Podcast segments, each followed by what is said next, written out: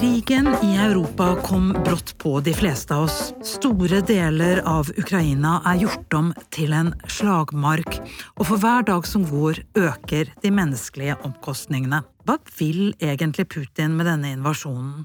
Hva gjør at Zelinskyj holder stand, og hvilke fiendebilder og heltebilder skapes på begge sider ettersom stadig flere liv går tapt? Og framfor alt, hvordan skal dette ende? Gjester i denne episoden av podkasten Universitetsplassen er Tore Vik, professor i statsvitenskap og ekspert på autoritære regimer, makt og demokrati. Gjest er også Sigrun Marie Moss, førsteamanuensis i psykologi og ekspert på politisk psykologi, identitetspolitikk og nasjonalisme. Jeg heter Gro Lien Garbo. Velkommen, begge to. Takk for det. Tusen takk. Før vi kommer ordentlig i gang med det mer overordnede, så vil jeg gjerne høre med dere begge to. Hva har krigen mot Ukraina gjort med hverdagen deres som forskere og som privatpersoner, Tore?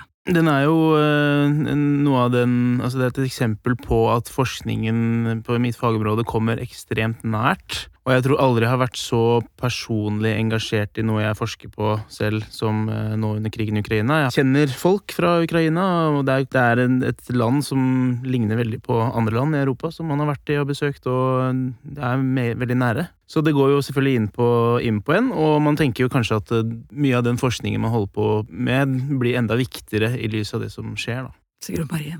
Ja, jeg er enig med det Tore sier, at det blir nærere. Jeg jobber også med ulike konfliktsituasjoner, men dette er jo på en måte krig i egen bakgård, da. Vi deler en grense med samme land som har invadert Ukraina, og det gjør noe med hverdagen. Barna stiller plutselig spørsmål om hva som foregår.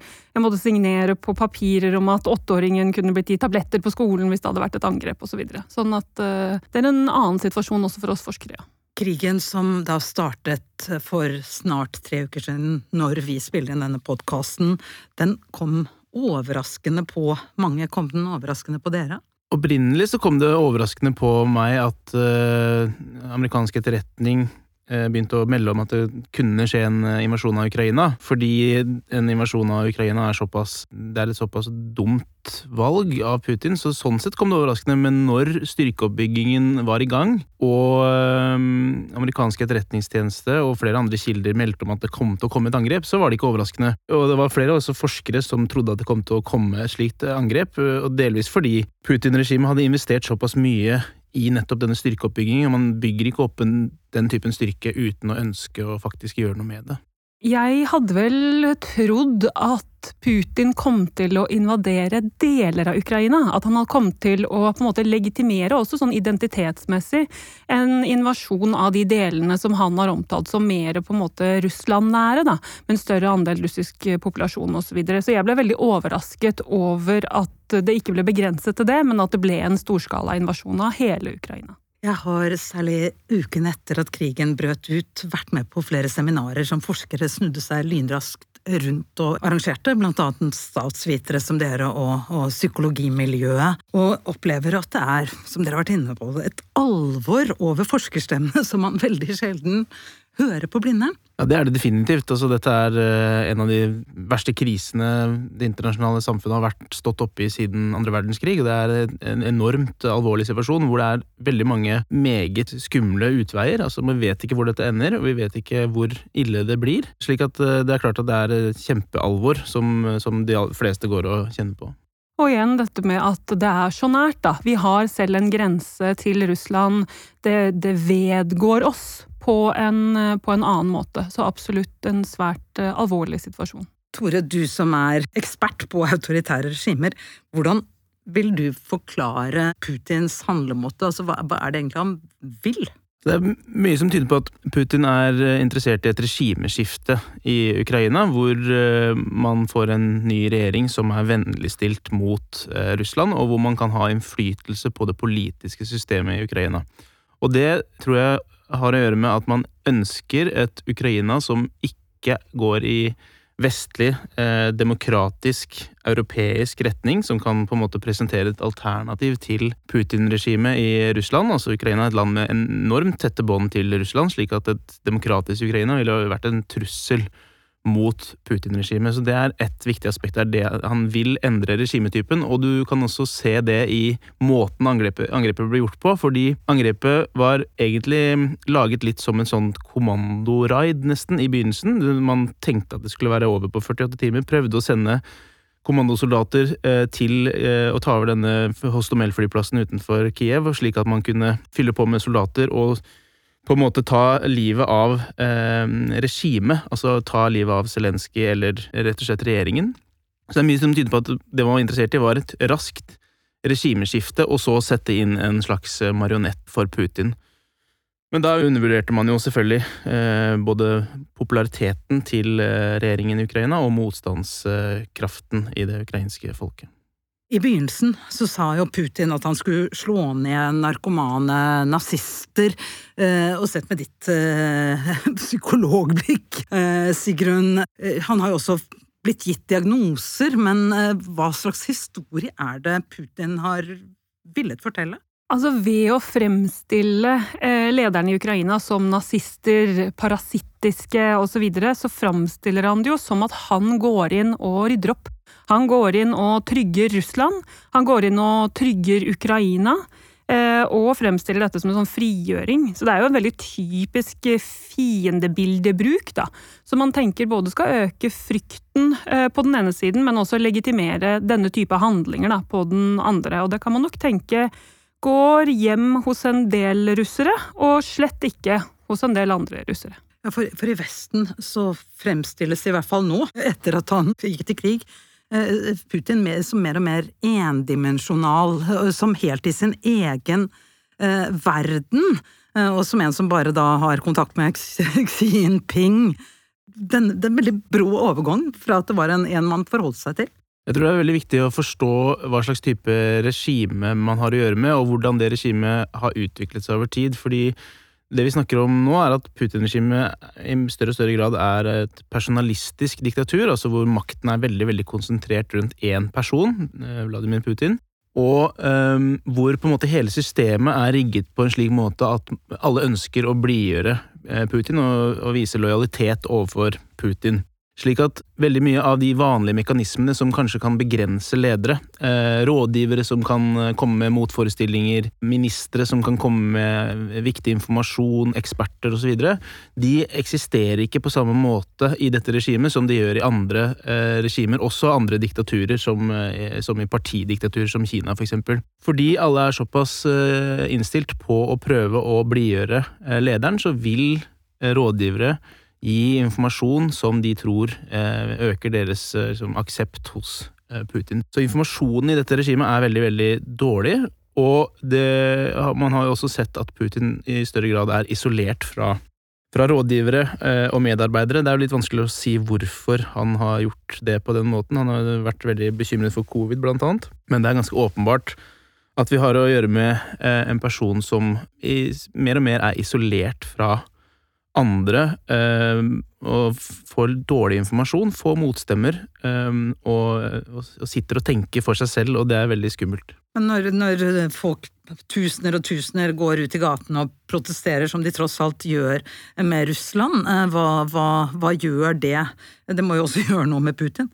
Det tror jeg. Jeg tror uh, han, uh, En av hans største frykter er nok uh, at han skal bli styrtet i en slags protest, en protesthendelse, som man har sett i den arabiske verden, f.eks. den arabiske våren, men som man også har sett andre steder, som i Ukraina. Og det er jo mye informasjon som tyder på at han nettopp at det er en av de tingene han frykter mest. og Derfor har han jo også vært veldig opptatt av å slå ned på den typen protestbevegelser i Russland, men også forsøke å intervenere i andre land i nabolandene, som Ukraina f.eks hvor det har vært den typen eh, prodemokratiske protester, som jeg tror Putin og mange andre i regimet mener er eh, finansiert av amerikansk etterretning og er slags sånn antirussiske protester. Da. For det ligger jo mye i dette også, Sigrun, dette vi-et, som eh, på et vis Putin også gikk inn med, for dette var et broderfolks På et vis så gikk han vel inn for å skulle redde et broderfolk med et stort vi, eh, men det var vel var rimelig feilkalkulert. Ja, altså hvis man ser på noen av de tidlige talene til Putin, hvor han blant annet da henvender seg til ukrainere direkte, så snakker han om det som sånn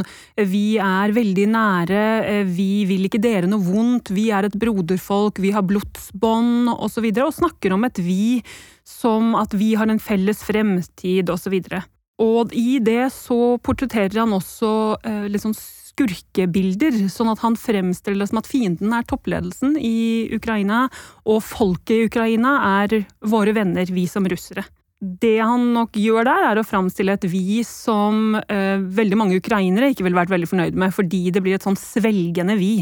Vi som majoritet som skal ta over vi-et hos dere, minoriteten. Og dette har kanskje gått hjem i Russland, den eh, formen for eh, i større grad enn det går hjem i Ukraina? Det kan nok eh, godt hende. Jeg tror nok eh, i hvert fall Putin og den lille kretsen rundt han tror, i hvert fall trodde i utgangspunktet at Russland ville mer, være mer populære i Ukraina enn de egentlig er. Eh, og det kan skyldes dårlig informasjon, som jeg nevnte nå i stad. At rett og slett regimet er dårlig informert. Putin er dårlig informert. Han hører ting han, han vil høre. Fordi det, alt, altså veldig mye av operasjonen til nå, i hvert fall de tidlige fasene, tyder jo på at de nettopp eh, antok at de kom til å bli mottatt med, rett og slett med Altså at de kom til å være ganske populære når de styrtet Zelenskyj. Så det var jo en ganske stor feilkalkulering. Men vi, også vi i Norge, i Europa, i Vesten, vi har vel ikke heller sett faresignalene eller sett ordentlig hva eh, som kom? Jeg tror mange har undervurdert eh, hvor langt Putin er villig til å gå. Samtidig så har det jo vært mange faresignal før. Han har jo invadert uh, Ukraina før, så det er jo ikke første gang. Og gjort andre uh, ganske alvorlige ting. Invasjonen av Georgia, for eksempel forgiftningen av Skripal i, eh, i Storbritannia med, eh, med, bruk av radioaktivt, eh, radioaktivt gift, rett og slett, og altså kjemiske våpen. Veldig, veldig drastiske ting å gjøre. Men jeg tror nok ikke verdenssamfunnet, i hvert fall store deler av det, har tatt Putin alvorlig nok, og kanskje heller ikke trodd på alt han har sagt. Særlig om statusen til Ukraina, for eksempel, og andre, andre land i regionen. Så nå er det på tide å ta dette regimet på alvor og se det som den trusselen det er, da. Hva mener du med det? Nei, Man må innse at dette er et ekspansjonistisk, eh, autoritært regime som vil gjøre veldig dumme ting. Altså det, det, jeg tror ikke det fungerer på den samme måten som andre stater gjør, som for eksempel, jeg tror Kina, for eksempel, med mindre de utvikler seg i enda mer personalistisk retning, er en mye mer rasjonell aktør eh, i internasjonal politikk enn dette, dette Putin-regimet er. Så man må rett og slett eh, være forberedt på at Putin kan gjøre nesten hva som helst, ehm, og at eh, de tingene han truer med, er ting som faktisk eh, kan, kan skje. Så det, man må ta det veldig, veldig alvorlig. Og at man kanskje også kommer til et stadie hvor det som kanskje begynner å bli viktigst for han, også er dette med å ikke tape ansikt. Da. At det er helt uaktuelt å skulle tape eller gi seg. Sånn at eh, en eller annen utgang av dette eh, måtte, hvis, man skulle ha funnet en eller annen eh, samtalebasert løsning, måtte jo ha vært et eller annet som Putin hadde sett på som at nå har jeg vunnet dette, og at det blir en sånn veldig sterk motivasjon. Hva slags utveier ser dere her vi sitter i dag på det? Det er selvfølgelig mulig å se for seg at det finnes en eller annen avtale som Putin kan godta, og særlig kanskje selge internt i Russland som en seier. Og det er jo viktig å huske på at man har ganske stor kontroll over mediene, slik at man kan fremstille en del, en del uh, avtaler som seire, f.eks. hvis man uh, får Krim, eh, Ukraina erklærer seg nøytralt og disse utbryterrepublikkene får lov å bestå, så er det mulig at man kan selge det inn som en seier, men internt i regimet så vil nok så vil nok dette fortsatt ses som en, et tap på en eller annen måte, fordi jeg tror ambisjonen var jo en full, fullstendig Eh, invasjon og regimeskifte, som man da kanskje ikke får oppnådd. Så det er, eh, det er, kanskje ikke det optimale for, eh, for Putin. Det, men jeg tror det er veldig viktig å forstå at nettopp dette med å tape ansikt, og at det er kanskje litt få utveier for Putin, åpner jo døren for ganske dystre scenarioer framover, fordi han nettopp kan ønske å gå veldig langt for å oppnå målet sitt. I begynnelsen av krigen så var uh, mange nøye med å skille veldig nøye mellom Putin og russerne. Det var ikke russernes krig, det var Putins. Uh, er det fortsatt slik, eller begynner vi å få en annen fortelling uh, der også russerne er fienden? Altså I tidlige taler da, så adresserte både Zelenskyj og Putin den andre siden, og snakket direkte til den andre siden, og snakket da om at Skurken og fienden var øverste politiske ledelse, og omfavnet på en måte folket og inviterte disse inn i på en måte de, de rammene rundt vi med moral og vi med verdier i behold og de rasjonelles rammer etc. Um, Zelenskyj har fortsatte å gjøre det til en viss grad, og hadde tale til det russiske militæret nå nylig, og inviterte dem til legg ned våpnene, vi skal ta imot dere som mennesker og med med den verdighet mennesker skal behandles med, men det er klart at vi ser jo også eh, enorme lidelser på bakken. Så det å klare å beholde et syn hvor man differensierer mellom russere som en gruppe med, med mennesker og ledere på den andre siden, der ser vi nok at det er jo dynamiske prosesser som endrer seg med opplevde realiteter. Jeg tror jo eh, mange i Ukraina eh, forstår at den russiske opinionen er veldig veldig skjev pga. propagandaen som foregår innad i Russland. Når man hører historier om at ukrainere snakker med slektninger i Russland som ikke tror at det er en fullskala invasjon på gang. Så jeg tror øh, nok at man på Ukrains side, i hvert fall nå i, i begynnelsen av krigen, klarer å skille med, mellom det russiske folk og regime, og det er jo selvfølgelig også viktig fordi regimet har jo ikke folkelig forankring på samme måte som et demokrati. Det er jo ikke sånn at uh, Putin har en stor At det har vært gjennom et uh, fritt og rettferdig valg nå nylig, hvor folk har uh, ønsket en invasjon av Ukraina, han har stått til valg, gått til valg på det. Det er tvert imot. De fleste har ikke vært tenkt på en invasjon av Ukraina i det hele tatt, og det fremstilles nå som en sånn spesialoperasjon på TV som får fem minutter på et nyhetsinnslag i Russland, så det er ikke noe folkelig støtt Eller det er ikke noe folkelig eh, på en måte krav om denne krigen. Slik at den har liten legitimitet, tror jeg, med unntak av det faktum at veldig mange blir utsatt for propaganda. Så mange tror det er en spesialoperasjon på gang, som egentlig ikke er så veldig omfattende. Dette at krigen jeg eh, sier den kommet brått på oss i Vesten Europa, men den må jo ha kommet brått på både Ukraina og russerne, og ikke minst de russiske soldatene som skulle rykke inn. Eh, hva gjør det med historiefortellingen? Altså, Man ser jo en aktiv innsats fra begge sider på at de prøver å skape en historie. da. At de har sine narrativer om hva det er som foregår her, sånn at man da fra lederne prøver å liksom skape mening rundt og gi litt sånn historiefortelling til det som skjer. Hvor man da f.eks. ser eh, Zelenskyj som forteller en historie om denne uavhengige og rettskaffende staten som da plutselig har blitt invadert helt uh, urettmessig, mens Putin har et helt annet narrativ, men som også jobber aktivt med å legitimere de valgene man tar og de grepene man tar på bakken. På bildene vi nå ser av uh, Ukrainas president Zelenskyj som står ved sitt folk i en by kringsatt av fiender, og Eh, så finnes det jo flere eh, bilder av Putin, men vi husker jo det lange bordet og i hvert fall avstanden.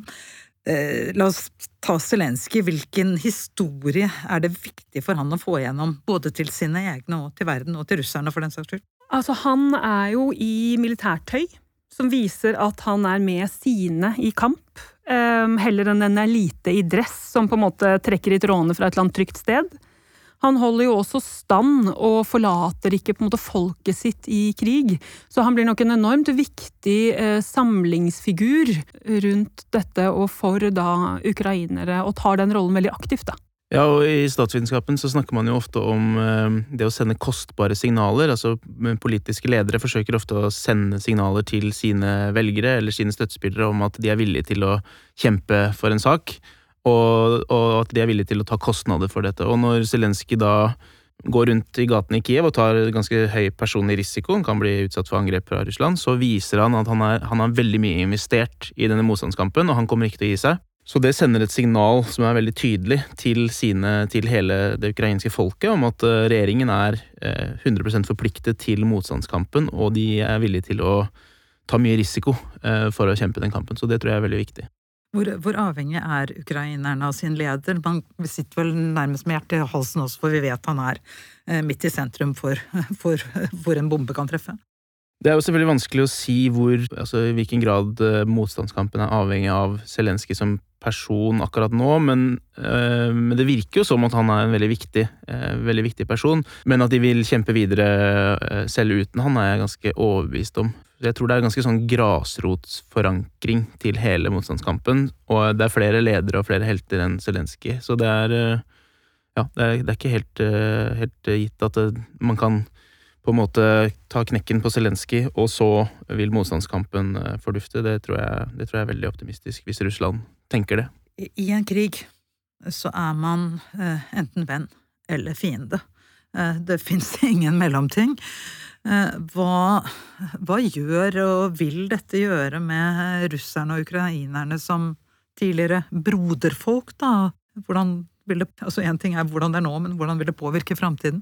Jeg tror det er veldig viktig å se at det avhenger litt av hvordan eh, regimeutviklingen blir i Russland, egentlig. Fordi hvis, eh, hvis russerne nå eksempel kaster Putin, eller legger såpass mye press på han at det skjer en ganske radikal endring i det regimet, så vil, så vil jo kanskje ukrainerne se mer positivt på, på russerne, og ikke assosiere eh, russerne med invasjonen. Altså tenk på, tenk på Tyskland etter andre verdenskrig. Man, man, tok oppgjør med nazismen, og og folk klarte å forsone seg med, uh, med, det tyske folket i Europa. Så jeg tror nok at det er veldig viktig altså, om, om, det russiske folk blir assosiert med regimet i fremtiden, så tror jeg det blir vanskelig for uh, ukrainerne å, å, forsone seg, gitt de ødeleggelsene og, ja, og, og, og det som skjer nå. Så tenker jeg også at det er viktig hvilke kategoriseringer i disse historiefortellingene som man, man, klarer å ha. Klarer man fra eh, politisk ledelse sin side i Ukraina å beholde forskjeller mellom politisk ledelse og, og russere? Eh, russiske hæren og russiske folk osv. For vi ser jo i mye psykologisk forskning at vi mennesker har en tendens til å tenke om grupper på den måten at vi gjerne overdriver likheten innad i grupper, og overdriver forskjellen mellom grupper. Sånn at hvis man begynner å oppleve det at huset mitt har blitt bombet, det at øh, jeg har mistet et av barna mine, som en handling som er orkestrert av Putin, eller som er orkestrert av russere, så vil det også ha en enorm forskjell. Og man ser at den type feilslutninger da, om grupper øker hvis det er identiteter som er viktige for oss, og øker enda mer hvis det er identiteter vi opplever som truet, hvor jo begge faller inn her. Og akkurat det eh, har vi sett i disse dager eh, rapportert om fra, eh, fra, NRKs utsendte. Ikke sant at folk utvider fiendebildet til å gjelde russerne. Hvor farlig er det? Det er farlig av flere grunner. Det er særlig farlig hvis det også oppildner russerne til å kjempe hardere i krigen. Altså, så det må, tenker jeg at det kan være lurt, veldig lurt for Ukraina å forsøke å unngå. Slik at f.eks. russiske soldater ønsker å overgi seg til Ukraina, at de ikke ønsker å terrorisere sivilbefolkningen eh, på nært hold, f.eks. Jeg spurte innledningsvis eh, hvordan, eh, hvordan vil dette ende? Kan dere tenke litt høyt om det? I beste fall så vil det ende med en fredsavtale eh, som er presset frem av et russisk tap, eh, i, altså et militært tap mer eller mindre i krigen. Det kan skje.